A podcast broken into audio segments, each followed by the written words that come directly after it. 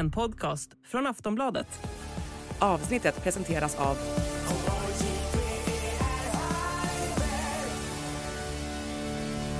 Stödlinjen.se, åldersgräns 18 år.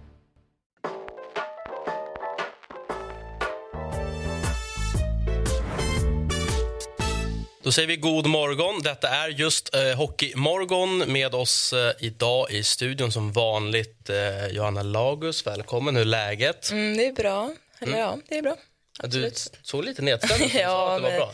jag vet, vi ska prata om det snart, men det är man är lite påverkad av gårdagens nyheter faktiskt. Naturligtvis. Vi ska komma till det alldeles strax. Eh, eh, god morgon också till Abris och eh, Patrik. Välkomna. Hur är läget med er? Ja, men det är alltid kul att vara här. Det känns så. Det var ett tag sedan nu, men, men eh, jag är jättesugen att eh, snacka hockey. Ja, det, det ska du få göra också. I, I en full timma. Vi, vi har också intressanta eh, gäster också med oss på länk. Det kommer vi till eh, lite längre eh, framöver eh, i Hockeymorgon. Då. Eh, vi måste ju såklart börja med eh, den extremt tragiska händelsen i SDHL för eh, lite drygt en vecka sedan. Eh, det var ju situationen med Sani Hakala. Eh, en situation som, som jag såg, eller som nog de flesta har sett. Och där och då, live, så kände man att ja, det här är ju en skada, men alltså, det gick ju inte ens att föreställa sig att det skulle vara på den nivån som vi nu har fått reda på från personen själv, eh, Sani Hakala. Eh, kan du förklara lite vad som har hänt och vad hon har gått ut och sagt? Mm, nej men absolut, och man tänkte inte alls att det var så, så allvarligt för det har ju hänt så många gånger. Det är, alltså, spelare eller målvakt liksom kolliderar med målburen i princip nästan varenda match. Och det såg liksom inte jätteallvarligt ut, men hon har ju då haft maximal otur och, och eh, man bröt ju matchen ganska omgående så på något sätt så måste det ha signalerats att det var ganska allvarligt. Och, ehm, Alltså det är verkligen jobbigt att prata om det här för man tycker att det är så fruktansvärt liksom, orättvist och hemskt men sen har hon ju då ja, opererats har det stått i, i nyheterna. Um, hon åkte väl omgående till Linköping som sjukhus tror jag. Um, men det har konstaterats då att hon är förlamad från bröstet och neråt efter en, en nackfraktur. Mm. Ja, och, och det skrev hon ju själv då på eh, sociala medier, eh, att det fortfarande är svårt att förstå eh, vad som har hänt. Eh, och att eh, inte bara då att man tvingas sluta spela ishockey utan även att eh, få eh, ja, eventuellt spendera resten av livet då, eh, i en rullstol och, och att det är en verklighet eh, hon försöker landa i. Eh, men en oerhört tung händelse. Hinner man alltså, som spelare eh, ni har väl säkert sett alltså, allvarliga skador tidigare, kanske inte på den här nivån. Hinner man uppfatta det när man är på isen? Eller är det någon känsla man har just med att det kanske bryts matchen väldigt snabbt? Eller hur, hur resonerar man där? Um, nej men det är klart att det har hänt uh, olyckor och sånt tidigare. Men, eh, när jag har spelat kanske aldrig på uh, av det här magnitudet. Uh, ehm, men som du säger, när, när man avbryter matchen på en gång så, där, så, så får man ju en, en, en dålig känsla direkt kanske att det här är något som är, som, något som är allvarligt. Ehm, så att, jättetufft att se, jättetråkigt och hoppas att hennes återhämtning och hon får all, all hjälp hon kan få eh, här framåt och eh, ja, får mycket hjälp i den här eh, resan. Men jag tänker, jag blev ganska påverkad själv som hockeyspelare. Jag vet inte om du fortfarande spelade efter Tobias Forsberg liksom råkade ut för samma... Ja, ja men det, då blev man ju extremt påverkad. Eh, lika påverkad som nu egentligen. Men jag, jag spelade ju med eh, Forsberg innan i Leksand, en snabbis. Eh, så att jag hade en, en personlig koppling till honom också. Så att det var otroligt tufft att, att se det. Eh, och, men det har också varit väldigt eh, inspirerande så här i efterhand att se hans, hans resa från att det som händer eh, till det livet han har idag.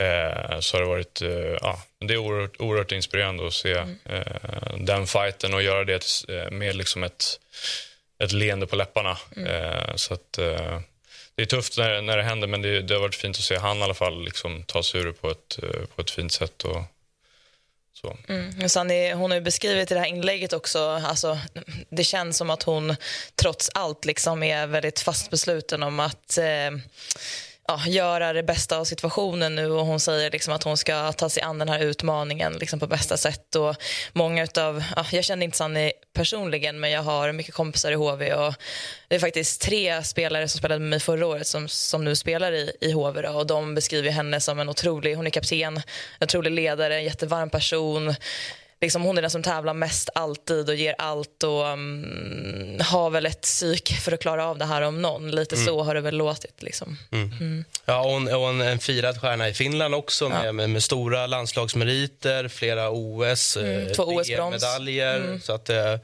Eh, vad, och som spelare, du har ju, du har ju mött henne misstänker mm. då. Ja, hon är extremt duktig. Ja. Ja, ja, det är inte kul att vara back när hon kommer faktiskt inte. Hon är, hon är otrolig hockeyspelare och um, har alltid varit liksom en av de absolut bästa i SDHL. Um, ehm, alltid gjort mycket poäng. Otroligt snabb skridskoåkare. Hon har jäkla speed. Liksom, och, ja, det var det som hände också. Hon kom liksom med otrolig speed på kanten och trycker sig förbi. Alltid väldigt orädd och, och teknisk. Liksom. Så det, jag tror att hon är en enorm förebild för jättemånga eh, många av oss. Liksom, Framtiden då för, för HV71? Och du nämnde att du, att du känner flera spelare i laget. Det måste vara extremt tufft mentalt att liksom ta sig vidare. Och, alltså, säsongen ska ju på något sätt fortlöpa. Alltså, det måste vara en oerhört jobbig och, och liksom märklig situation för dem. Det tror jag verkligen. Och de har varit väldigt liksom, gått ihop och varit väldigt tydliga med att vi pratar inte om det här äh, överhuvudtaget för liksom, utav respekt för Sanni. Och, um, det är nog jättejobbigt att kliva ut på isen. Det var lite det jag var inne på också. Att man som hockeyspelare, jag blev påverkad liksom av Tobias Forsberg och nu händer det i, i SDHL och alla spelare inklusive och framförallt då de kanske närmast Sanni kommer ju tycka att det är väldigt märkligt och ja, fortsätta spela som vanligt men på något sätt så måste man göra det också lite för, för hennes skull också så att man inte låter det begränsa sig eh, på något sätt men eh, jag tror att de kommer komma ihop som grupp mm. jättemycket utav det här. Så får vi se vad det, vad det minnar ut i. Men eh, ja, jag hoppas verkligen att... Eller jag har ju sett att hela Hockey-Sverige verkligen har slutit upp det här dygnet efter att hon gick ut med den här nyheten och ger liksom allt stöd som man kan tänka sig. Så det, det är väldigt fint på så sätt med hockeyvärlden. Det tycker jag verkligen. Ja, speciellt eh, vad säger man, lagsport eh, överlag. Men eh, ofta så får man ju 25 eh, riktigt bra vänner på en gång så fort man kommer in i ett omklädningsrum. Så att, att ha det med sig i en sån här resa är nog en skön sits för, för henne att liksom ha den stöttningen oavsett eh, i vägen framåt här. Mm. mm. Vi, vi, önskar eh, Sanni eh, all lycka till med eh, rehabiliteringen naturligtvis. Eh, vi eh, kopplar upp oss mot eh, Thomas Ros som eh, nog befinner sig i just Jönköping. Om vi tar vid lite det vi pratade kring eh, Sani Hakala. Eh, vad har du snappat upp kring den nyheten som kom igår och eh, vad har reaktionerna varit? Ja, eh, god morgon på er för övrigt. Eh, det är väl alltid speciellt när sådana här saker sker för att det är ju ganska mycket tystnad runt det hela. Man vill, man vill ge lugn och ro till, till patienten eh, Eh, man, det dröjer tid innan man vet omständigheterna och effekterna av så här olyckan. Så vet jag att det var även vid Tobias Forsberg att det var en, en tystnad på ja, nästan flera veckor. Jag upplevde att det var en längre tystnad runt Tobias än, än det var runt Sunny. Eh, nu valde hon själv att gå ut på sitt Instagram mitt under matchen igår. Eh, så det var lite speciella omständigheter för att fansen hade ju eh, liksom förberett ett, ett litet mini-tifo för henne och man körde en växelramsa för henne men det var ju på de uppgifterna som var kanske inför matchen. Sen, sen kom det här och då, då kanske det har blivit lite en annan eh, dager också. Sedan hade ju HV71 också ett, ett annat eh, eh, minnestifo eller, eller minnesarrangemang igår eller en hyllning eller att man hedrade Eh, Eh, den mångåriga klubbledaren Ljungåker, Ove Ljungåker som, som har avlidit. Så det var ju som flera saker och ting. Eh, och sen var det också en viktig match för HV71. Det var ju, jag vill inte kalla det för en ödesmatch men, men HV krigar ju i varje minut och varje byte och varje period som, som, som spelas eh, just nu. Eh, men, men det var ju en tagen stämning över det hela när, när folk började fatta att oj då, det här det har gått väldigt illa för Sanni. Jag eh, pratade med HV-spelarna efteråt om Sanni. De visste ju inte om det, de, de läser ju inte Instagram under matcherna men när man beskrev vad som hade hänt så, så blev de ju tagna och ledsamma. Eh, Önrud har ju varit klubbkamrat med, med Sanni i många år eh, och det här är ju någonting som kommer sätta avtryck på, på hela HV71. Och det är bara att hoppas eh, precis som Johanna säger, att Hockey-Sverige går ihop nu och kanske samla ihop lite pengar, precis som man gjorde med Tobias. Och att eh, Sanni får allt stöd som hon kan få där ute eh, i, med vård och rehabilitering och, och kraft att orka komma tillbaka. Mm, ja, men det, det satt jag också tänkte på just med det är kanske liksom inte den första tanken som poppar upp i huvudet när man får en sån allvarlig skada men just med liksom kring det ekonomiska, alltså att det är en karriär som avslutas väldigt tidigt och Eh, Eh, att det vore fint, som man har sett många gånger tidigare inom inte bara hockeyn, fotbollen, alltså supporter. Sverige går ihop och eh, kanske också vi såklart här i Hockeymorgon kan bidra till eh, att det blir en riktigt härlig och fin insamling då till Sunny. Eh, om vi tar oss eh, över till eh, det, det sportsliga då, Thomas. Eh, du nämnde ju att HV71 krigar för eh, samtliga poäng. Det har ju gått bättre efter tränarrokaden. Eh, och här blev det en tvåpoängare då till slut mot eh, Örebro. Ja, eh, på de senaste tio matcherna efter rockaden kan man väl kalla för så har de 15 poäng. Eh, och det är väl en positiv resa. Sen måste det vara oerhört tungt att vara HV-supporter eller HV-spelare. För när man väl går in och kollar på text-tv-sidan 377, om det är någon förutom jag och Leifby som gör det fortfarande, ja, så ligger ju HV71... Ja, det gör det också. Underbart. Så ligger de ju fortfarande hela fem poäng bakom säker mark. Så att det är så tufft att ta hem de där poängen. Speciellt den här serien när du kan Ja, ska vi se. Nu vart det faktiskt mörkt i, i, i rutan. Här, ja. eh, vi, vi återkommer eh, när vi har fått ordning på tekniken här med, med tv-apparaten. Eh, vi återkommer till mötet mellan HV71 och Örebro. Det händer ju fler saker i den matchen. Eh, och tar oss vidare till eh, Växjö mot Leksand kan vi väl börja med. Eh, ja, men på tal om lag som har gjort tränarrockader, om än icke frivilligt här då, mm. så har ju faktiskt Leksand lyft i mm. tabellen mm. och plockat två poäng bort mot Växjö är ju alltid starkt. Ja, verkligen. Nu såg jag inte matchen, men eh, det var vad det verkar som en bra insats från Leksands håll. Att de hade en puck där som var eventuellt inne också. Den var inte inne. Eh, den var inte inne. Jag har spenderat eh, en halvtimme på kontoret. okay. Jag älskar ju den här typen av situationer. Ja, och har hittat sensationellt bra bilder. Du har på att, alla vinklar. Ja, räddningen från Emil Larmi är otrolig. Galen. Okej, men då ska vi ge all cred den är Larmi. Ja. icke inne. Nej, men annars, Leksand ser, ser väldigt bra ut. De har fått igång såna viktiga liksom, målskyttar dessutom. Ehm, så att, eh, absolut starkt att ta en poäng Eh, eller två poäng från Växjö.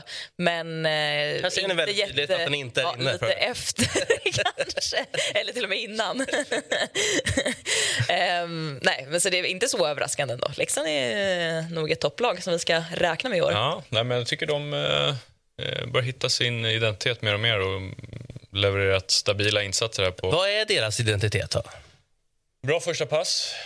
Inte så mycket eh, duttande från backarna som det kan bli när man vänder om utan ta upp pucken, bra första pass eh, och sen tycker jag att de har varit bra på att eh, mot slutet vara ett, ett, ett hot istället för att hamna ute i, i sarghörnan. Det är väl eh, klyschor men det är så oftast den, den bra ishockeyn spelas och eh, jag tycker att de gör det på ett bra sätt. Och är det så, eh, Abris, att liksom stjärnorna i Leksand också har levt upp till högt ställda förväntningar? Eh, det måste vi väl ändå säga att de har gjort det på slutet. Det som är grejen med Leksand tycker jag det som SHL handlar om det är ju att vara bra över tid. Att hålla liksom även när man inte är på topp så att man inte sjunker ner för långt och, och, och förlorar matcher. Det är väl det som jag tycker har varit Leksands stora problem, just den här jämnheten. Mm. Menar, när Leksand har varit bra har man ju varit bra, men, mm. men däremellan så har man ju varvat med, med perioder med, med väldigt mycket förluster, väldigt dåliga insatser och så vidare. Så det, är väl, det är väl framförallt det jag är imponerad av. Nu har det gått tio matcher typ sen Challe och Challe tog över.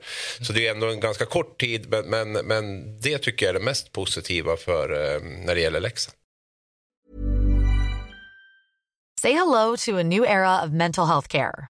Cerebral is here to help you achieve your mental wellness goals with professional therapy and medication management support. 100% online. You'll experience the all new Cerebral Way, an innovative approach to mental wellness designed around you. You'll get a personalized treatment plan from a therapist, prescriber, or both in a safe and judgment free space. Your cerebral therapist or prescriber will outline a customized plan with clear milestones along the way so you can get to feeling your best. With Cerebral, you're not alone in your mental health journey. We're here to empower you to live a fulfilling life. So take that first step towards a brighter future and sign up today at cerebral.com slash podcast and use code ACasts to get 15% off your first month. Offer only valid on monthly plans. Other exclusions may apply. Offer ends July 31st, 2024. See site for details. Nu ska vi se. Ja, men titta, nu eh, är Thomas Ros tillbaka här. Eh, trist att du stängde av där mitt i, mitt i intervjun, men vi gör ett nytt försök. Eh, eh, jag vill ju prata såklart om, eh, om Stefan Livs son, eh, Herman Liv. Eh, man blir ju eh, glad i hela själen när man ser Herman. Och, han får alltså debutera i Örebros trupp, naturligtvis, borta mot HV71. Fick en ovation Eh, av hemmafansen när han zoomades in på, på jumbotronen. Vad, hur skulle du beskriva eh, den stunden i, i, i hallen? Den går väl knappt att beskriva. Jag tror alla som satt och tittade både på TV, för det var samma bilder ut på, på TV som jag förstått som, som inne i Husqvarna Det är väl klart att man blev väldigt varm inombords och det som gör allting så unikt. Eh, nu, nu, hade jag förmånen att träffa hela Stefans familj då, med, med hans ja, eh, ja, fru Anna, man kallar väl det kanske fortfarande för det. Och eh, hans barn Harry och Herman, det är ju att barnen är ju som kopior av Stefan, alltså samma kroppsspråk, samma mimik, samma lätt garv eh, och sådär. Och det är det som gör när man ser att Herman sitter som målvakt där på, på, på bänken och har kepsen bak och fram givetvis, som en, man ska ha när man är 17 bast.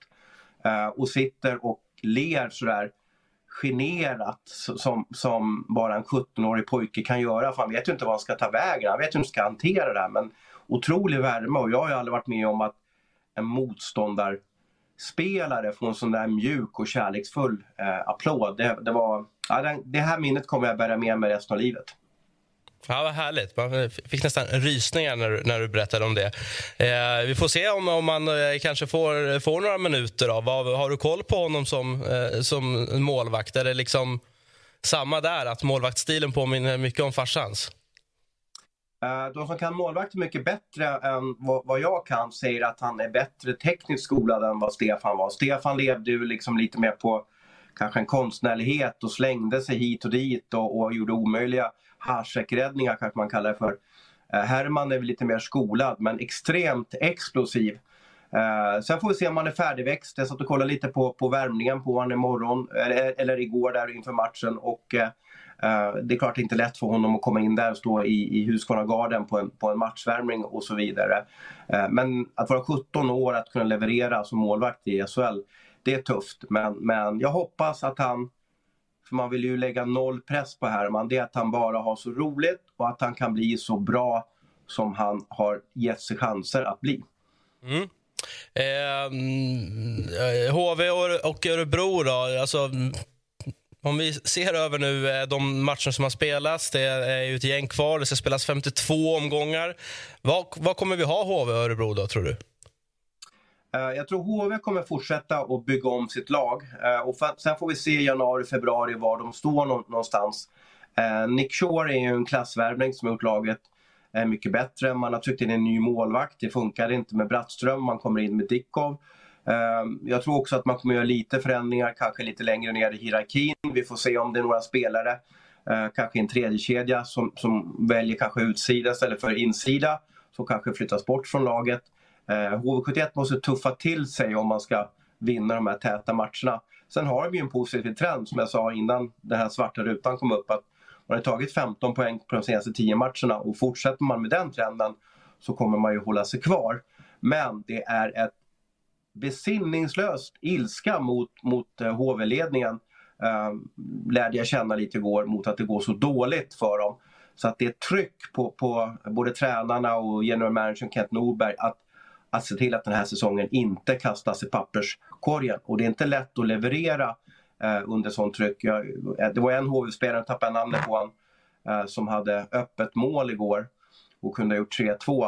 Eh, men han missar öppet mål. Jag, jag, tror nästan jag hade satt det målet faktiskt. Men jag, jag tolkar att han var så nervös, han höll i klubban så hårt så han, han kunde inte få in pucken, det gick inte för honom. Och det är ju det som kanske hämmar många av de här lagen som lever under en väldigt stor stress och press. Ja, men du, du nämner ju eh, de här liksom hårt prövade HV71-supportrarna men jag kan väl tänka att i tanke, alltså med tanke på vilket läge de befann sig i så måste väl allt vara godkänt som innebär att de inte behöver kvala? Eller ska man ha ribban ännu högre? De har ju åkt ur en gång, kommit tillbaka. Eh, är en av de klubbarna i Sverige som lägger mest pengar på spelare. Eh, man har en otrolig sponsorskap runt eh, eh, klubben. Det är en av Sveriges rikaste klubbar. Man har fyra isytor på, på liten yta här vid, vid Husqvarna Garden. Man har alla förutsättningar och då ska man inte hamna så här långt ner som man gör. Det ska, jag vill inte säga att det ska vara en omöjlighet men det ska vara väldigt svårt att misslyckas med, med, med alla de här ingredienserna som finns här i, i Jönköping och det stöd som finns. Eh, eh, det är lite smått otroligt att man ligger på nedflyttningsplats just nu tycker jag. Mm, vad, vad, vad, säger ni om det här i studion? Nej, men HV har ju hamnat i den här onda spiralen som, som Brynäs har varit i, som Djurgården har varit i och sådär. Och det, det, är ju, det är ju säkert flera anledningar till att man är där. Eh, och eh, det handlar bara om att släcka bränder hela tiden. Det man kan konstatera är att eh, kontinuitet, de klubbar som har jobbat med kontinuitet har varit enormt framgångsrika under 2000-talet. De som inte har gjort det har varit väldigt, väldigt eh, åt andra hållet. Så det är ju, det är ju HVs, de springer och släcker bränder hela tiden och jag tror att det kommer att fortsätta så ett tag till. Men tänker du på kontinuitet taktiskt eller kulturellt? Nej, ledar, eh, eller personmässigt. personmässigt, man har Allt från sportchefer till tränare, till målvaktstränare, till klubbdirektörer, ordföranden, allting. Alltså det, det är, ju, är ju min lilla käpphäst i det här. Och det är ju alltså det är så lätt att se också på vad, vad har Växjö, vad har Frölunda och hur har Skellefteå jobbat. Liksom, ja, man har jobbat med väldigt mycket samma personer. Jag menar, ska du in och uppfinna hjulet varje säsong eller två gånger varje säsong så blir det väldigt tufft. Kan du jobba långsiktigt, fila på detaljer detaljer, rätta till saker i organisation, i spel år efter år så blir det, alltså det blir bättre. Sen om det handlar om rekrytering eller om det handlar om ett bristande ledarskap bland spelarna som gör att man hela tiden får bort de tränare som är där och så, det, det är väl lite individuellt. Men, men för mig är det ju glasklart. Ja, sen finns det gick runt en... i... Uh, kör Patrik. Jag kör. Mm. Eh, sen finns det en, en, en förväntansbild från Jönköpingsborna och sen säkert även Hockeysverige. Det är som Rose säger att HV71 ska vara i toppen. De har alla möjligheter för att vara det. Eh, och att man lyckas med bragden att åka ur och gå upp året efter. Eh, det ska man nog vara väldigt glad över att man lyckas med. Eh, men sen så verkar det ta tid att liksom hitta tillbaka till eh, den här HV-andan eller vad man ska kalla det. Eh. Ja, men vilket kan vara kanske lite problematiken, tänker jag, Thomas, att, att man, man är kvar i den där liksom, romantiska tidsåldern där allting var guld och gröna skogar. Alltså, mm. Det var inte allt för länge sedan HV71 spelade Hockeyallsvenskan och man har fått den här starten. Och kanske man ska känna här och nu att ah, men nu är det en och en halv poäng per match. Vi har bytt tränare. Det är sakta men säkert är på väg uppåt. Istället för att stå och skrika sig hesa om att alla ska avgå och att det ska vara slutspel. Eh, alltså med den här starten då, och jag hade varit HV-supporter då hade jag bara så här, blås av nu och låt oss slippa kval. Så tänker jag i alla fall. Ja, um, vi får se. Det, det, som är otäckt den här säsongen det är att SHL är så jämnt. Uh, nu är det ju väldigt få poäng upp för HV71 men det blir också väldigt tufft att ta de här sista poängen. Som jag var inne på att det är fortfarande, fast de har tagit 15 poäng senaste 10 matcherna som egentligen borde innebära att de borde lämna otrygg mark där, där långt nere. Eh, de är fortfarande fem poäng bakom eh, och, och ta sig upp från eh, en negativ finalplats där. Eh, det alla säger när man pratar, gick runt i arenan igår, eh, de slänger ju Thomas Montén lite framför bussen. Eh, jag kan tycka att det är lite elakt för att han har ju sitt ledarskap. Det var ju tränaren som kom till HV i, i somras men fick lämna väldigt snabbt. Men han har ju rekryterats av, av eh, eh klubbledare i HV71 som trodde på honom. Och det är kanske de som ska ifrågasättas. Var Thomas Montén rätt person att leda nya HV71 och var han rätt person att få ihop den här gruppen som består av ganska många nya spelare, många meriterade finländare Uh, och sådär. Och bevisligen så fick de inte ihop det. De satte ju inget grundspel. Det var, det var, eh, de släppte in så mycket mål så att nästan Oskarshamn framställdes som kinesiska muren. Eh, så det, det vart ju inte bra med Thomas Montén under HV71. Det är min känsla när man ska sammanfatta gårdagen. Mm. Eh, mycket intressant, Thomas. Vi eh, kan ju snacka i all oändlighet, känns som HV71. Men vi har mer att prata om hockey imorgon, så vi måste gå vidare. Så fortsatt trevlig morgon till dig, Thomas. Eh, så hörs vi eh, säkerligen snart igen, kanske redan eh, nästa vecka. Vi tar oss vidare. Eh, Luleå eh, eh, vann på ett Luleå-aktigt sätt eh, med två mål mot noll i det heta eh, rivalmötet då, mot eh, Skellefteå. Ja, Skellefteå förlorade på ett Skellefteåaktigt sätt den här säsongen. Alltså Skellefteå som väl varit ett av de offensivt bästa lagen i ESL under många, många år har ju jätteproblem med målskyttet. Så det var väl två, två världar som, eh, som möttes där på något sätt. Det är, eh, nej, men Luleå Luleå gör det bra med det de, det de gör och sen har man ju den här lilla, lilla spetsen som man måste ha i ett sån typ av lag tycker jag med, med, med Omark till exempel. Det är han som avgör matchen också där. Så att, eh, då funkar det också att spela på det sättet man gör om man har lite, någon som kan avgöra framåt också. Otroligt bra tryck noterade jag i den här matchen. Du har ju lite erfarenhet. Ja, nej, men Vad det- betyder just den här matchen?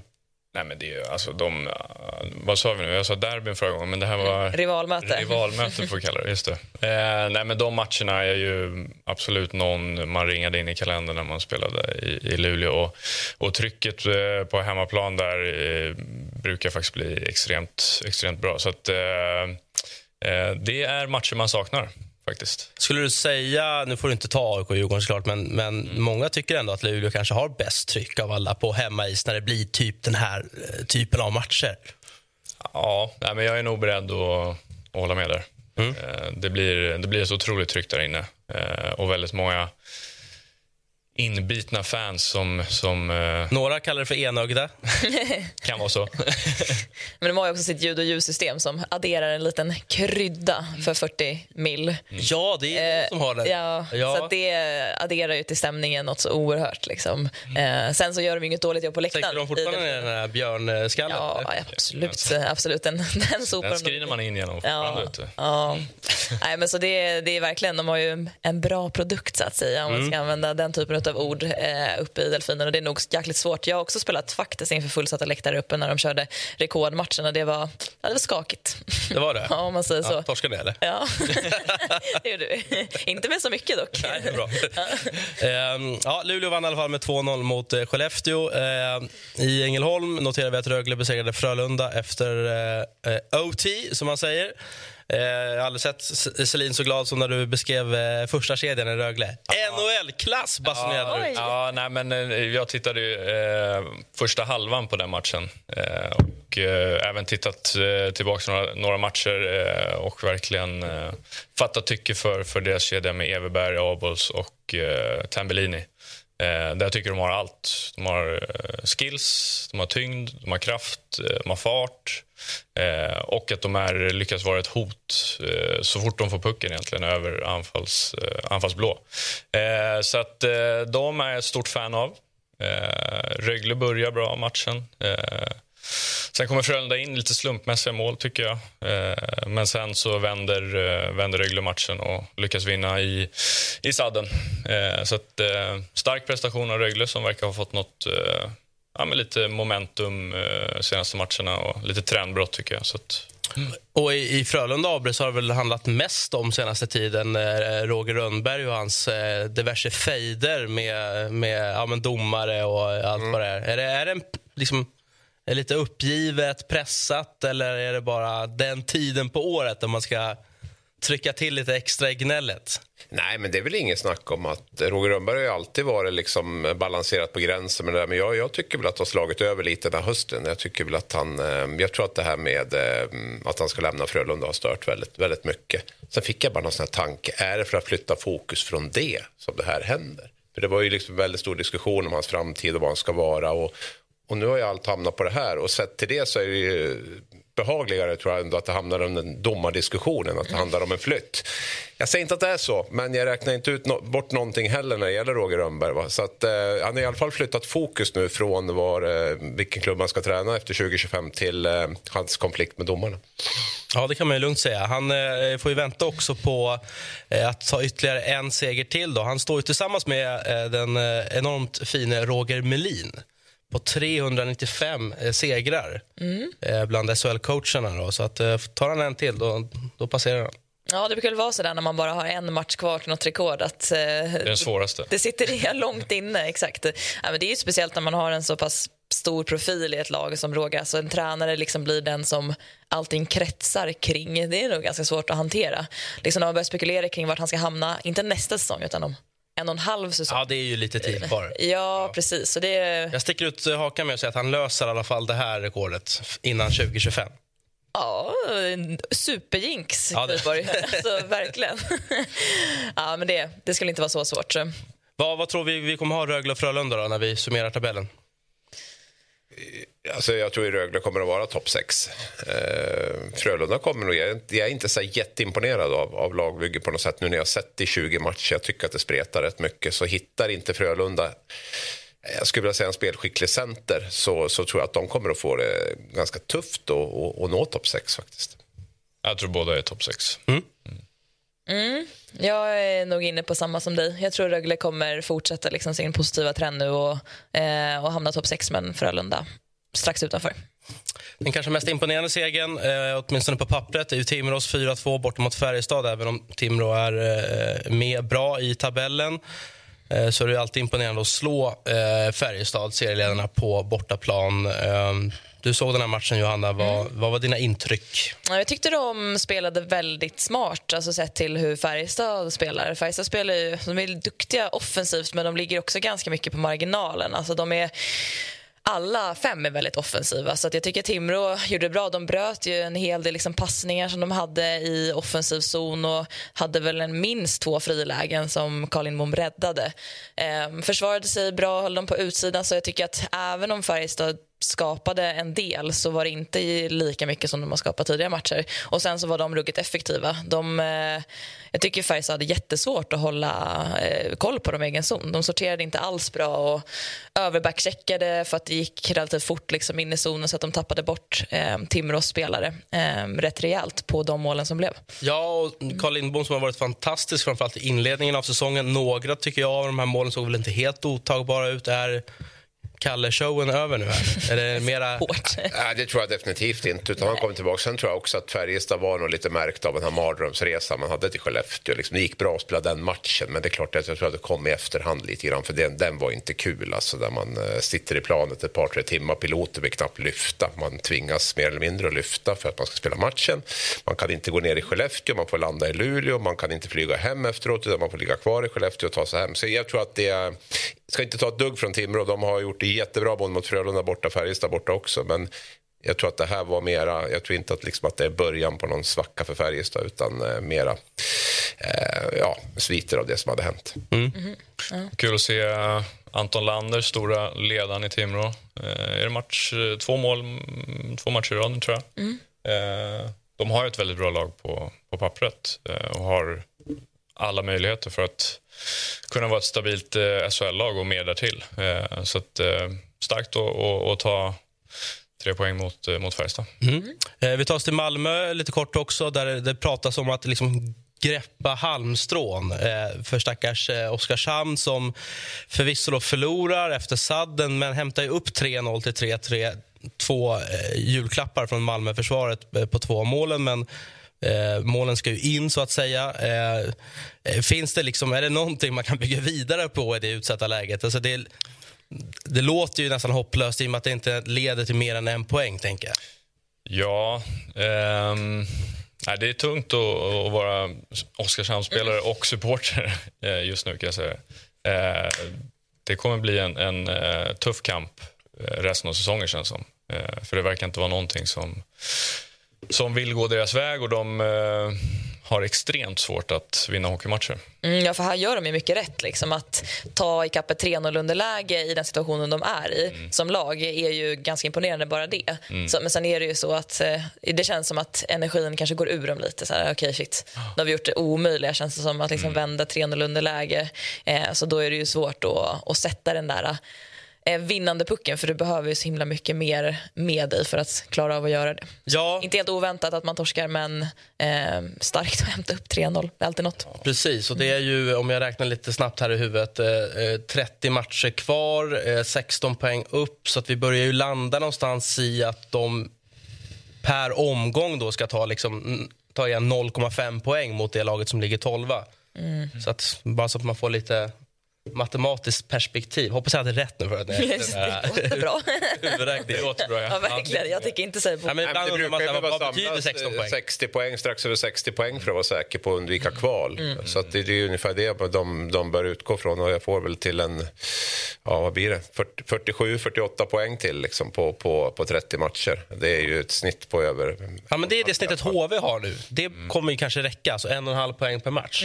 Ja, förutsatt att då tabellen inte fortsätter att vara lika jämn, att alla liksom tar poäng och, och fortsätter gå uppåt. Det Det är det, som är det svåra. Ja, det kan ju bli att Oskarshamn är väldigt tidigt avhängt och då, då kan det ju bli lite andra siffror än de där dryga 60.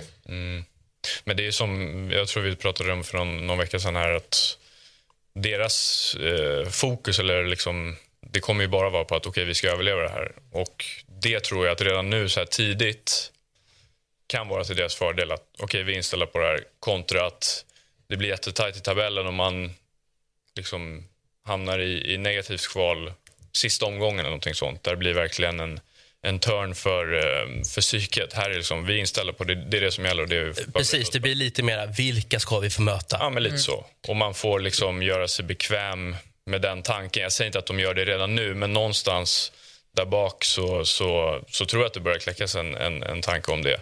Att gör vi ingenting, eh, eller förändrar någonting eller börjar vinna matcher så, så är det vår verklighet.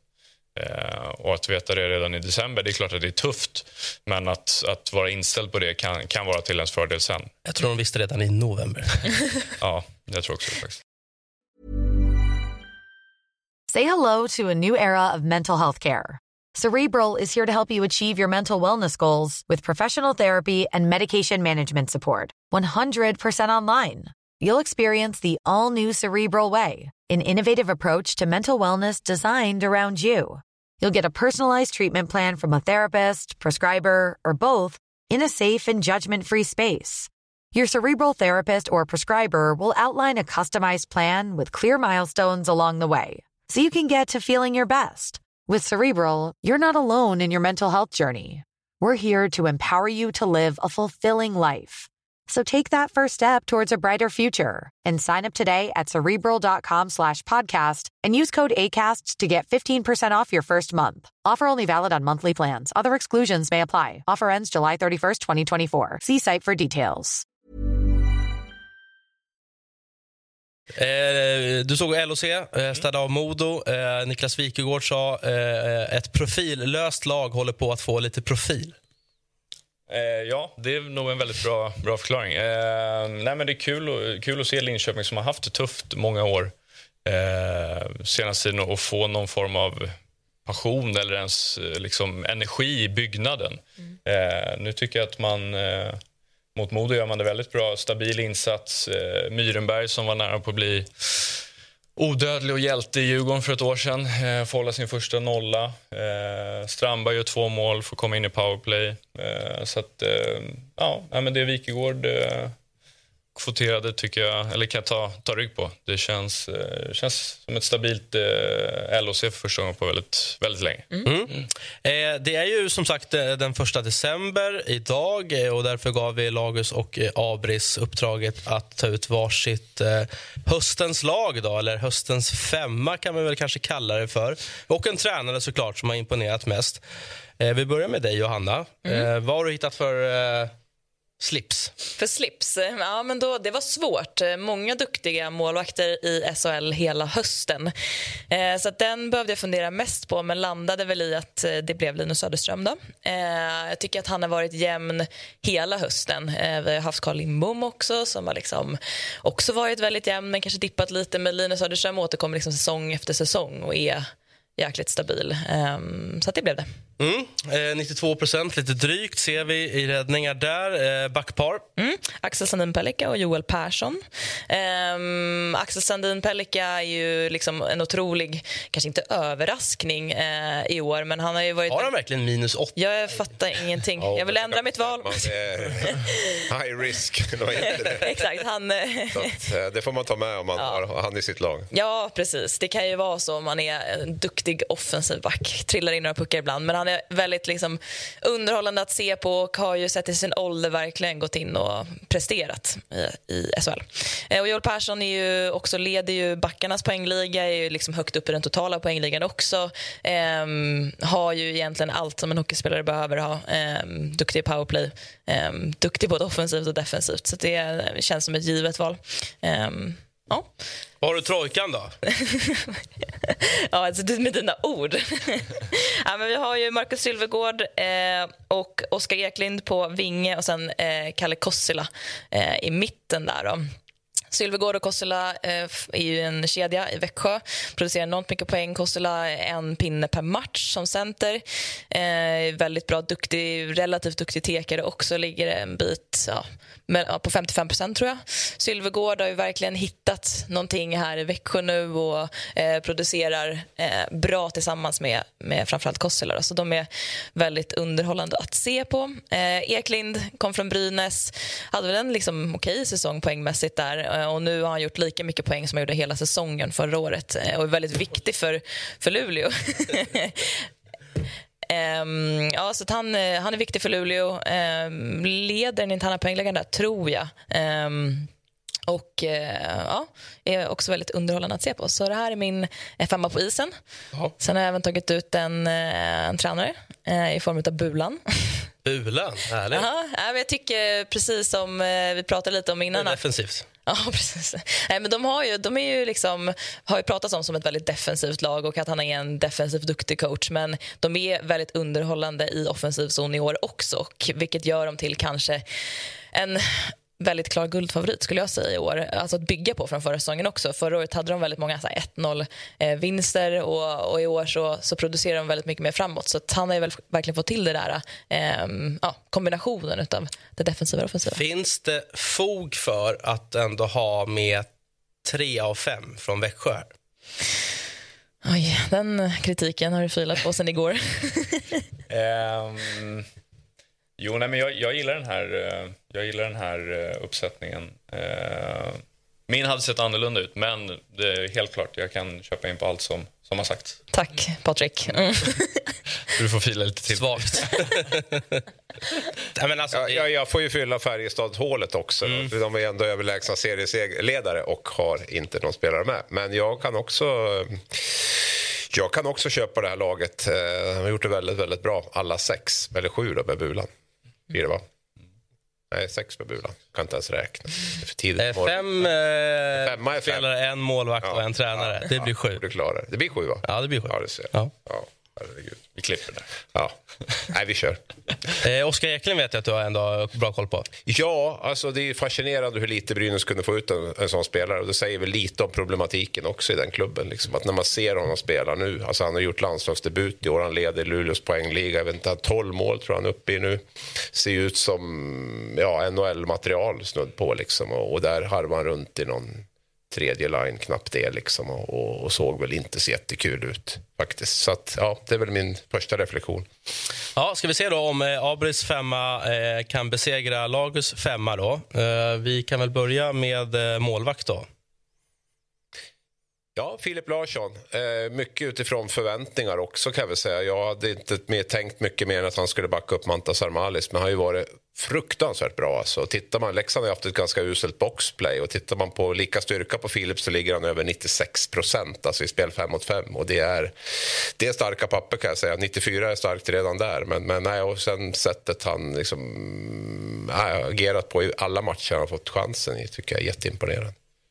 Ja, alltså lite oväntat att han skulle ha så pass bra åtminstone räddningsprocent ja. med tanke på hur det såg ut inför säsongen. Ja, ja absolut. Och det jag säger är Alexander Milner uppe i Leksand gör något väldigt bra med sina målvakter. Jag tycker att de har storspelat allt från Janne Juvonen fram till Mantas och nu Filip. Alltså det, det är det är lätt att döma ut målvakter också, men man måste också titta på, på jobbet bakom. Vissa klubbar har en förmåga att få målvakter att lyckas, vissa har en förmåga att få målvakter att inte lyckas. Sen tror jag tror inte bara handlar om målvakterna, utan jag tror det handlar lite om jobbet bakom. Vad har vi för backpar då?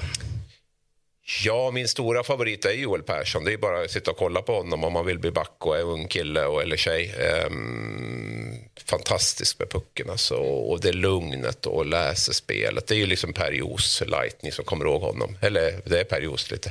Ehm, så att eh, jag, jag, han är ju... Mm, det, det är ett föredöme när det gäller spelet med puck. Väldigt, väldigt få bortslagna puckar. Och ehm, det är ju extra roligt i dessa tider när allt ska gå så fort. Ja, verkligen. Ja. Det känns som att du och jag är lite mer old school. Ja, det är vi nog. Du Nej. förstår när jag säger trojkan, va? Ja, ja, ja. ja, är gamla rysstrojkan där. Exakt. Ge mig trojkan nu, Abris. Ja, Ja, men, ja. jag ska vi nämna Matt Cape? Matt Cato egentligen är ju, det är ju en kantboll. Han har ju spelat bara, han har bara spelat tio matcher tror jag. Men, men sättet han har kommit in på och sättet laget har vunnit matcher sen Matt Cato kom in eh, gör ändå att han eh, är med på min lista. Där. Jag, tycker att, jag tycker att han har varit fruktansvärt bra sen han kom in. I det här skedet, då, innan vi ser trojkan igen, då, finns det fog för att Leksand ska ha två av tre med redan här? Ja, men det tycker jag faktiskt. När man ser helheten så tycker jag det. När det här ser det mycket ut, men Leksand har ju varit lite av um, novembers, eller novembers lag här sen, sen um, ja, Challe och Challe tog över så har ju det varit ett snudd på succélag. Mm, håller med. Eh, då ser vi de tre framåt. då. Där har vi dem. Ja, och det var väl Micke Lagård där som jag funderar längst på faktiskt. Eh, Kostila känns given för mig. Tillsammans med Abol så är det seriens bästa center. Eh, Fröjd att titta på också. Där kan ni också sitta och kolla lite grann. Unga spelare. Eh, enorm liksom kontroll och blick över spelet och bra defensivt tycker jag också. Han gör jobbet där. Och, nej, det är en jätteskicklig spelare. Svårt att se att han blir kvar. Um, Agård har ändå gjort 13 mål. Jag hade ganska låga förväntningar där också på honom måste jag säga. Så att, eh, eh, han får komma med ändå. Ejdsell har ju varit fruktansvärt bra i, i Färjestad. Jag tror att han ligger på 16 poäng eller något på de 12 senaste. Eh, det är också en sån här spelare som man känner borde... Vi pratade lite om eh, Abols tidigare, så man tänker vad gör han i SHL? Han borde spela NHL när han är som bäst. Ejdsell är ju lite likadan när han är i det här flowet med den här storleken, med den här liksom skickligheten. Så känner man ju också att han är lite i, i fel liga. Saknar vi någon spelare, Patrik? Alltså om vi tar båda femmorna, är det något namn som, eller som ni kanske kände att så här, oh, det, man hade velat få in, men det gick inte? Ja, men jag hade både Agard och Ejdsell eh, på min shortlist. Men eh, ja, det var en hög konkurrens.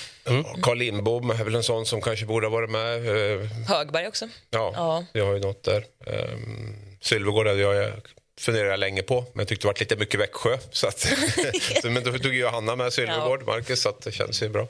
Bara plus också i plus minus-kolumnen. Ja, just det. Ja, men man, jag har fått höra mycket från olika tränare att man inte kollar så himla mycket på plus minus. Eller det väger inte jättetungt. Nej, Jag vet inte, det finns så många olika parametrar nu för tiden. Course hit och course dit och plus minus. Men, men, men plus minus är väl ändå en ganska bra indikation på eh, hur spelet går för en, en individuell Jag ville tycka det som defensiv back, men då har man fått höra att det inte är så viktigt. Nej, och det man pratar med statistikkillarna så säger de att det är alldeles för mycket saker som påverkar plus minus statistiken för att det ska vara en rättvis statistik mot en enskild spelare. Då. Det kan ju vara att du har uh, spelat med en riktigt dålig back eller någonting sånt här och få liksom, alltså, nej men de, de, de tittar väldigt Ja, det är ju numera, kanske mer en kollektiv statistik. Ja, men det är väl Ja, klart, ja. är du inne på 17 mål framåt och 5 bakåt så är väl det positivt. Alltså, det, det är ändå en ganska bra indikator på att det, det rullar på. Så är det. Too tired to clean your floors after playtime? Forgot to vacuum before your friends bring their little ones over? Let Eufy X10 Pro Omni help. Powerful 8000 PA suction removes debris, and MopMaster dual mop pads scrub away stubborn stains with ease. Save time and keep your floors cleaner. Want to know more? Go to eufy.com, that's EUFY.com, and discover X10 Pro Omni, the best in class all in one robot vacuum for only $799. Det är ju fredag. Det betyder att vi äntligen ska ha speltips från Steven Lee. Ja, god morgon Hockeygänget. Eh, om man vill eh, fortsätta att njuta av eh, NHLs sämsta lag genom tiderna eh, så är det väl bara att zappa in San Jose ikväll igen. Eh, det kanske är en överdrift med viss modifikation men jag tror det kommer dröja otroligt länge innan vi får se ett så dåligt NHL-lag som årets upplaga av Sharks. Um, New Jersey, om de bara väljer att gå in med full inställning så ska det röra sig om uh, toppchans och det kommer även bli en hel del mål skulle jag tro. Uh, Devils har uh, ligans mest effektiva powerplay och man möter då det lag som har släppt till flest klara målchanser i sitt boxplay. Så där tror jag vi har en bra vinkel. Eh, Nico Hischier har öst in 88 assist över sina två senaste säsonger men inte fått samma utdelning nu. Eh, har dock slagit exakt lika många nyckelpassningar. Det är bara det att lagkamraterna har missat. Eh, för någon månad sedan så fick vi assist odds på 1,75. Nu är bolagen uppe på 2.55 och när man då har San Jose på andra sidan så borde det vara perfekt läge för Hischier att putsa till sina oförtjänt dåliga siffror.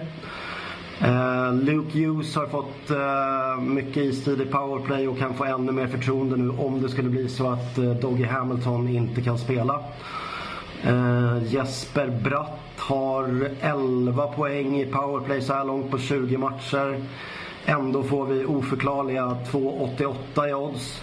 Ehm, så jag bollar ihop allt det här till en trippelkombo till ett total odds på 30 gånger pengarna. Ehm, sen är det bara att hoppas att eh, New Jersey går in med full inställning för då ska det kunna klaffa. Ehm, lycka till och eh, trevlig helg i eh, uh, vinteryran. Tack för det, Steven. Eh, I all min hast och iver eh, att ta mig just till Steven Lees speltips så missade vi ju Abris eh, tränare. Ja, Thomas Mittell Färjestad. Det är väl lite fek kan man väl tycka. Men samtidigt, man ska inte krångla till det heller. Varför ska man krångla till det? Kan man göra det bättre? Ja, han har ett bra material, absolut. Men, men som Färjestad har gått i, i höst. Jag ser liksom inte direkt någon underifrån heller. Johanna hade ju Bulan det är också liksom en förväntad toppcoach på något sätt. Alltså det är inte någon så som Martin Filander eller någon som gjort underverk med, med ett sämre material eller så. Så nej, vi håller enkelt. Mittell har gjort det grymt bra. Ja, det är svårt att argumentera emot ändå. Ja. Toppa serien. Eh, Hockeyallsvenskan rullar ju på såklart med eh, många men väldigt bra matcher tycker jag ändå. En av de eh, matcherna var ju eh, Björklöven-Brynäs eh, som eh, ja, jag kände lite med Brynäs trend då, att det har varit lite sådär skakigt. Torskade ju mot AIK, eh, även om man hämtade in två sena puckar där och, och ligger liksom tidigt underläge här mot Björklöven och dessutom liksom gå käpprätt åt den berömda skogen och lyckas ju ändå eh, ta hem det här. Ja, alltså det blir ju väldigt stort fokus på, på Brynäs när man inte vinner matcher. Därför framstår det som att de förlorar rätt mycket matcher. Björklöven kan åka ner till Västervik och förlora utan att det liksom skrivs så jättemycket om det. Men om förlorar Brynäs hemma eller mot Tingsryd så blir det ju liksom en liten lavin som kommer. Så därför får, har man en känsla av att men Brynäs har ju trots allt vunnit rätt mycket matcher under hösten. Och det, är, alltså, det är inte så att de möter eh, New Jersey eller, eller alltså, NHL-lag. Det är ganska, alltså, de har ett ganska bra lag sett till det motstånd de möter. Så att de, de kommer att, att fortsätta samla poäng tror jag. Sen finns det väl saker som behöver bli bättre spelmässigt. Men det tror jag även Björklöven och Djurgården och Södertälje känner. Ja, eh, och, och SSK är också sånt där lag som smyger med. Nu slog man ju Nybro borta. Eh, efter den här liksom skandalfajten eh, mot, mot Djurgården. Starkt ändå att, att studsa tillbaka för SSK. Ja, Södertälje har ju, ett, har ju liksom ett bra lag. Jag tycker man har ett väldigt stabilt grundspel och man har den här spetsen. Vi var inne på det lite med Luleå här, men Marcus Eriksson är ju gudomlig att sitta och titta på. Man får se lite oftare än vad man gjorde när han spelade Vita Hästen. Men han har ju magisk Videlle på gång igen, så där har man ju två spelare som skulle kunna göra det bra i SHL i ett powerplay också. Så är det. Vi eh, kopplar upp oss och säger god morgon till eh, AIKs forward Rickard Gynge. Eh, tack för att du är med oss. Hoppas du har en god och trevlig morgon. Ja, tjena grabbar, god morgon. Absolut. Nu är döttrarna på förskola och skola och jag är på Hovet, så nu är det ordning på grejerna. Härligt. Eh, du, eh, eh, jag noterar många segrar för AIK nu i, i, i sudden death. Är det någon, någon ny specialitet som ni har lagt till er med? Nej, men roligt att vi har lyckats knipa två poängen här några gånger i rad. Och framförallt är det våra importer där med Trucks i spetsen som har, eh, som har löst det för oss. Det är roligt, det ser bra ut. Jag ser också att eh, många av AIK-supportrar eh, har kallat lite av AIKs segrar, eh, alltså att det är lite rånarsegrar. Eh, är det liksom någonting som ni känner själva också? Att spelet kanske inte stämmer liksom fullt över en, en hel match, men ni lyckas ju ändå ta poäng. Ja, men lite så. Vi hade väl någon match där i Tingsryd där vi, där vi inte var bra, där vi tog två poäng. Det var väl en, en klassisk rånarseger. I övrigt så har vi väl varit eh, ofta minst lika bra som motståndaren skulle jag säga. Men, men absolut, vi har lyckats tagit lite, lite poäng som vi kanske inte har förtjänat ibland och det tycker jag är något som symboliserar bra lag. Eh, även om vi såklart jobbar på spelet hela tiden för att sätta upp jämnare, jämnare prestationer och framförallt över 60 minuter. Du nämnde ju importerna här. Alltså man måste ju prata om en sån som Brandon Truck. Eh, en av de kanske bästa avslutarna. Jag trodde att du var den bästa avslutaren, men Brandon Truck kanske är till och med lite vassare just nu. Ja, rejält vassare skulle jag säga. Påminner om, om mig för tio år sedan kanske eh, Eh, nej, men eh, han är, våra importer är duktiga allihop och Truck är ju en fantastisk avslutare, en, en, en riktig målskytt och den utdelningen har haft eh, den här säsongen så här långt är ju helt fantastisk. Så det, det är roligt att han är med och, och kul att ha honom i laget. Ja, eh, bara lite kort om Mora här senast. Eh, alltså du är nästan du är dubbelt så gammal som de flesta av deras gallerspelare. Hur, hur, hur är den liksom känslan att glida runt där mot ungtupparna? Och, eh, du petar ju ändå in en puck, tänker jag. Ja, men det är superroligt att man, att man får vara med och att man eh, kan vara med fortfarande, att man håller. Så det kul utmaning varje, varje dag och de, de håller en ung grabbarna också så det, det är perfekt. Eh, uh, Gynge, du börjar bli, börjar bli till åren, 36 år gammal, levererar fortfarande. Eh, är det fortfarande lika kul? Det ser ut som att du har kul där ute, men en fredagkväll mot Nybro på Hovet, hur, hur, hur taggar du igång till det? Ja, nej, men det är som du säger, det är kul att du, du ser att det ser roligt ut. Det är eh, fantastiskt kul fortfarande. Och, eh, nej, men det är en, en, match på Hovet är alltid roligt. Det, det behövs ingen extra tändvätska för det. Så att, eh, det blir superkul. Vi ser, ser fram emot kvällen. Och En poäng per match är väl ändå ett okej okay poängsnitt för din egen del. 6 plus 14. Eh, lite mera i, i assistkolumnen. Är det någonting du får acceptera nu att poängen trillar in, men mer assist än mål? Eh, ja, alltså det beror... I, sett över min karriär egentligen från början så har jag väl varit både framspelare och målskytt. Sen har jag ju ofta placerats med väldigt skickliga framspelare och då har ju målen, målen tagit överhanden lite grann. Så det beror på lite vilka jag spelar med och jag försöker bara ta den, den rollen jag får och, och göra det så bra som möjligt. Men eh, jag spelar inte... Mitt, mitt enda mål nu med, med hockeyn det är att vinna matcher och framförallt ta det slutgiltiga steget upp till SHL med AIK. Det, det är min dröm och sen poäng och sånt där, det, det spelar inte så stor roll. Tack Rickard. Jag vet att du ska iväg till, eh, till lagsamlingen eh, och lycka till med, med fighten då ikväll på Hovet mot eh, Nybro. Ja, stort tack grabbar. Ha en bra dag. Samma, tack. Eh, det var Rickard Gynge det, eh, som eh, ja, men fått igång eh, poängproduktionen. Mm, men jag tycker han är ju ett föredöme. Liksom, han är ju kapten nu då, och han gör ju ändå det hårda jobbet. Det är inte en person som liksom är 36 och kommer ner i Hockeyallsvenskan. Han hade en sjukt bra säsong i Växjö innan han kom tillbaka till AIK och fortsätter liksom att vilja orka jobba och pusha och liksom ta den rollen han får. Så det är en otroligt duktig och viktig spelartyp typ tänka och personlighet som man behöver ha i ett lag. Och, vilket kanske också gör att AIK är väldigt duktiga i år tillsammans med såklart att, eh, ja, att de har varvat ihop ett bra lag. Men, ja. Mm. Nej, men jag tänker just dels på att de har tagit de här segrarna i matcher där alltså, det har varit så bedrövligt. Det har varit en bra period. Ja, men liksom Almtuna borta, det är Tingsryd borta, alltså Mora borta. Det är ju ett mirakel att AIK tar den matchen till förlängning ändå så tar man poäng. Det blir ju en styrka i laget. tänker jag. Att Man vet att vi kan ha en rätt kass dag på jobbet. ta med oss två poäng. Mm, ja, men de senaste säsongerna har varit lite så att har man legat under så har man liksom lite slagit av på takten. Och här gör man aldrig det och det krävs ju ännu hårdare jobb om man ska orka liksom, ta i, i kapp match för match. Um, så. Och någonstans så är det, handlar det lite om kultur såklart för att man ska liksom inte komma undan med att inte backchecka eller inte orka liksom jobba hela matchen. Så det är toppen. Nu nämnde vi Brandon Trook, skickade in ett nytt hattrick. Alltså, man är ju väldigt svag för spelartyper som här, det, det, ser liksom inte ut som att det här kommer vara en, en kalaslirare. Nej.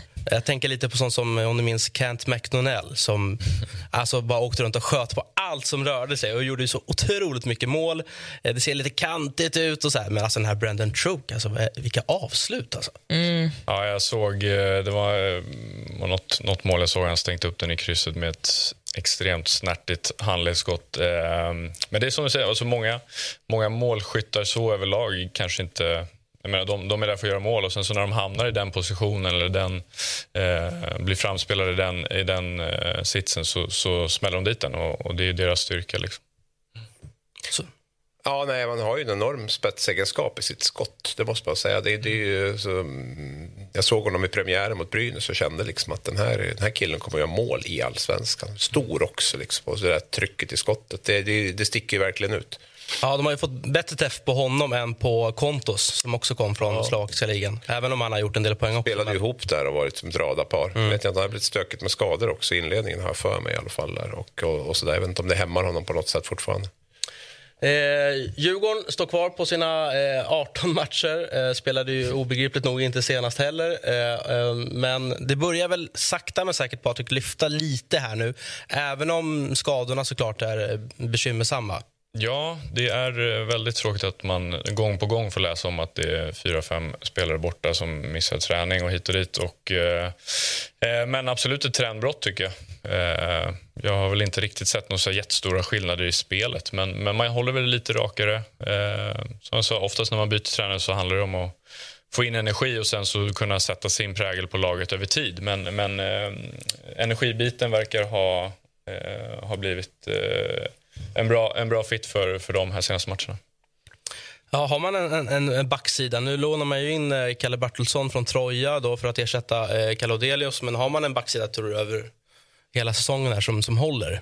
Eh, förhoppningsvis så, så kan ju de här unga spelarna verkligen växa in i rollen av att få lite mer speltid. Men jag tror att man kommer behöva eh, se över backsidan eh, om man ska gå, gå, gå, gå längre här under säsongen. Vad tycker du om eh, Djurgården? Ja, nej, men det är deras akilleshäl. Nu har ju målvaktsspelet blivit bättre på slutet ihop med att försvarsspelet också blivit bättre. Då, så att, eh, det är ju backsidan. Då ska vi vara in två men, backar. Men hur är marknaden? Jag har liksom ingen koll där.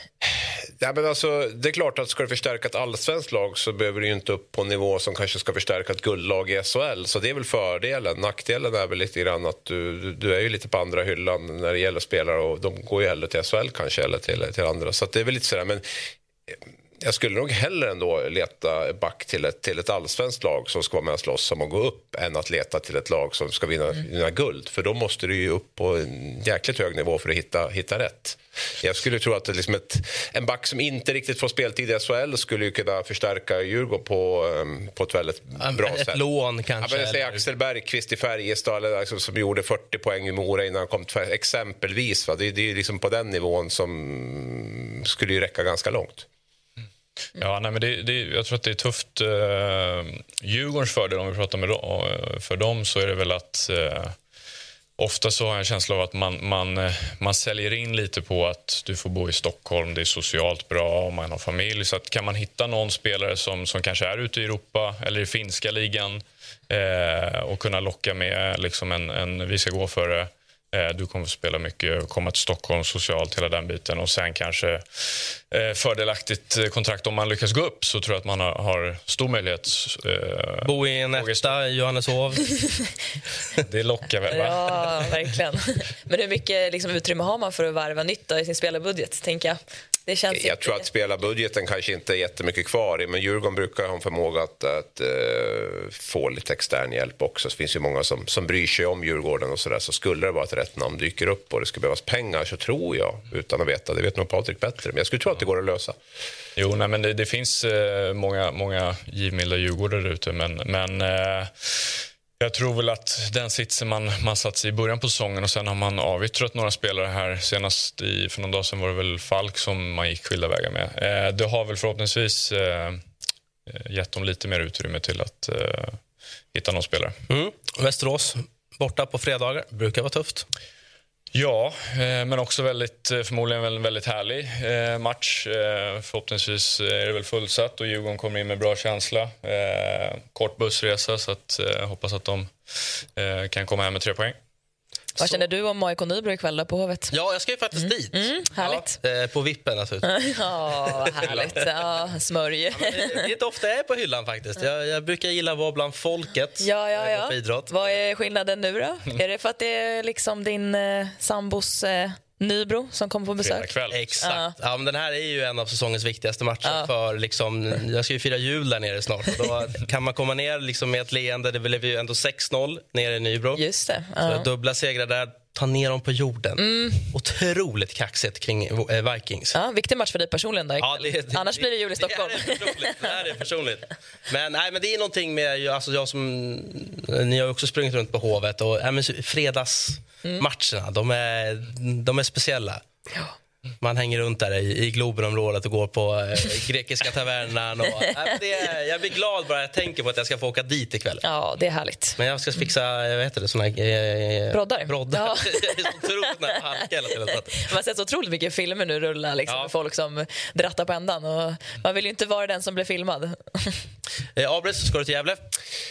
Eh, ja, det ska jag. Ja. Ska du på hockey? Eh, nej, det ska jag inte. Nej, nej, nej, nej jag står över den. Eh, jag har sett för, för mycket bryt de senaste tio åren. Så att, eh, jobbar jag inte så brukar jag faktiskt inte gå dit. Men det blir väl att följa framför tvn. Eh, någon av de andra matcherna skulle jag tro. Eh, varför inte Västerås-Djurgården? Ja, jag misstänker att det är den matchen du också kommer kika in, Selin. Eller har du möjligtvis tillsammans med Leifby Tingsryd Västervik? Det är ändå börjar närma sig derby på riktigt där ju. Ja, nej, det blir Djurgården-Västerås för ja. del. Mm. Fullt förståeligt. Det kan också bli en, en väldigt bra match. Uh, vi ser omgången där i helhet lördag också, SSK mot uh, Karlskoga. Med det sagt så, så rundar vi av. Jag, eh, jag börjar väl knata nu mot Hovet, men jag är framme lagom till, till Förhoppningsvis. Krypandes. Annars ligger du någonstans, någonstans får vi hämta dig där. Mm. Vi kör på det. Mm. Tack för att ni har varit med oss eh, i både eh, tv-format och poddformat. Så ses vi och hörs vi igen efter helgen. Då är vi tillbaka med Hockeymorgon.